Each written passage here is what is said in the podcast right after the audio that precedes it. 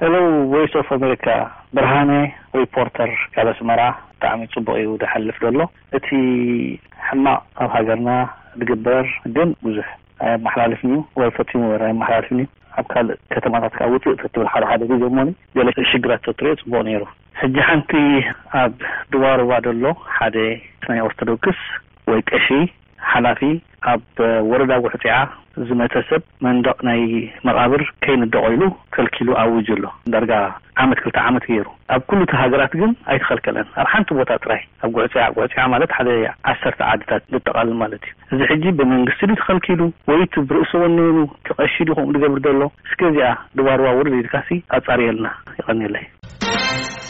ሄሎ ድምጺ ረድዮ ኣመሪካ ዝሓለፈ ሰሉስ ሓደ ብሂወት ናይ። ትግራይ ጥራሕ ድያ ተልዕል ኢሉ እሞ ቪኦኦ ናይ ትግራይ ጥራሕ ኣይኮንትን ከላይ ናይ ኤርትራ እያ ግን ኩሉ ግዜ ክሓቱ ክሓቱ መልሲ ስለ ዝሰኣኑ ትብኡ ዘሎ ከኣኒ ናይ ጥዕና ኣነስ ተሓሪሰ ን ኣስመራ ኣጋይሽ መጺኦም ካብኡ ንላዕሊ ከመሓላልፍ ኣይክእልንዩ ቪኦኦ ግን ህግደፋውያን ክምልስልኩም ስለ ዘይከኣሉ ነቲ ህዝቢ ጽጹይ ሓበሬታ ከተምጽሉ ትክእሉ ካበይ ከምጽሎም ኢልካ ትሓስብ ትግራይ ግን ሓቲቶም ውን መልሲ ስለ ዝረክቡ እቲ ዘሎ ጸገም ከኣኒ ናይ ዲሞክራሲ ጸገም ከኣ ይዛረቡ ኣለዉ እዚ እቲ ፍልልዩ። የቀንየለይ ወዲ ቀሺየ። ሰላም ቪኦኤ ከመይ ቀኒኹም ሮበት ውጽኢት ቴክኖሎጂ እዩ ቴክኖሎጂ ከኣ ውጽኢት ሳይነስን ምርምርን እዩ ሳይነስን ምርምርን ከኣ ውጽኢት ትምህርቲ ወይ ኣካዳሚ እዩ ትምህርቲ መሰረት ምዕባለ ሓንቲ ሃገር ምዃኑ ደሓር ከኣ እዚ ምህዞ እዚ ኮት ዝተማህሩ ተስፋ ህዝብን ሃገርን ዝኾኑ መንእሰያት እዮም ምሂዞሞ እምበር ሰበስልጣን መንግስቲ ኤርትራ ኣይኮኑን። ካልእ ብዛዕባ እቲ ናይ ናውቲ ማሕረስ ኣይኮነን ኣብ ከም በዓል ኤርትራ ኣብ ምምዕባል ዘለዋ ኣብተን ምዕቡላት ዝበሃላ ሃገራት ከም በዓል ሂንዲ ቻይና ፓኪስታን ካልኦት እውን ኣይተረፈን።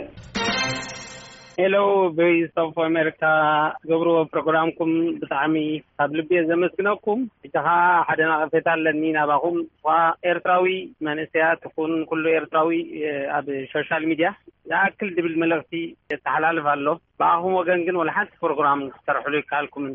ይኣክል እስቲ ንመን እዩ፣ ታይ ድብል ዘሎ፣ ታይ እቲ መልእኽቲ ኢልኩም ከተቕርቡልና ብትሕትና እምሕጸን። ሜሮን ስዩም እየ። Hello ረድዮ ኣሜሪካ ጸርፊ ስጋብ ዘይብሉ ርእይቶ ከተቃልዑ ይግባኣኩም ዝኮነ ኮይኑ ርእይቶይ ክሕልፍ ኤርትራውያን ተምሃሮ ክንድዚ ተመሪቆም ከምዚ ኮይኖም ክባሃል ከሎ እንታይ መምህር ኣሎ ኣብ ኤርትራ ዳኣ ተምሃሮ ክምረቁ ካበይ ክመጽእ ሓቂ ዘይብሉ ኢዩ። ሓኻይም ከምዚ ኢሎም ተመሪቆም ሓኻይም ከምዚ ጌሮም ክበሃል ከሎ ካበይ ዝመጸ ሓኪም ኣሎ ኢዩ ኣበይ ዘሎ ኢዩ ኣብ ኤርትራ ሓኪም ሓኻይም ዘፍሪ ብለና። ዝኾነ ሰብ ናይ ጻዕሩ ናይ ረሃጹ ፍርያት ክምረቕ ጽቡቕ ኢዩ ክንብል ይግባእ ኔሩ። እሞኸ ሓደ ሰብ ኩሉ ግዜ ኣንጻር ህዝቢ ኤርትራ እንድሕር ኮይኑ መረጺኡ ኤርትራውያን ክምልሱሉ ናይ ግድን ኢዩ። ገረመድሂን ተኽለ።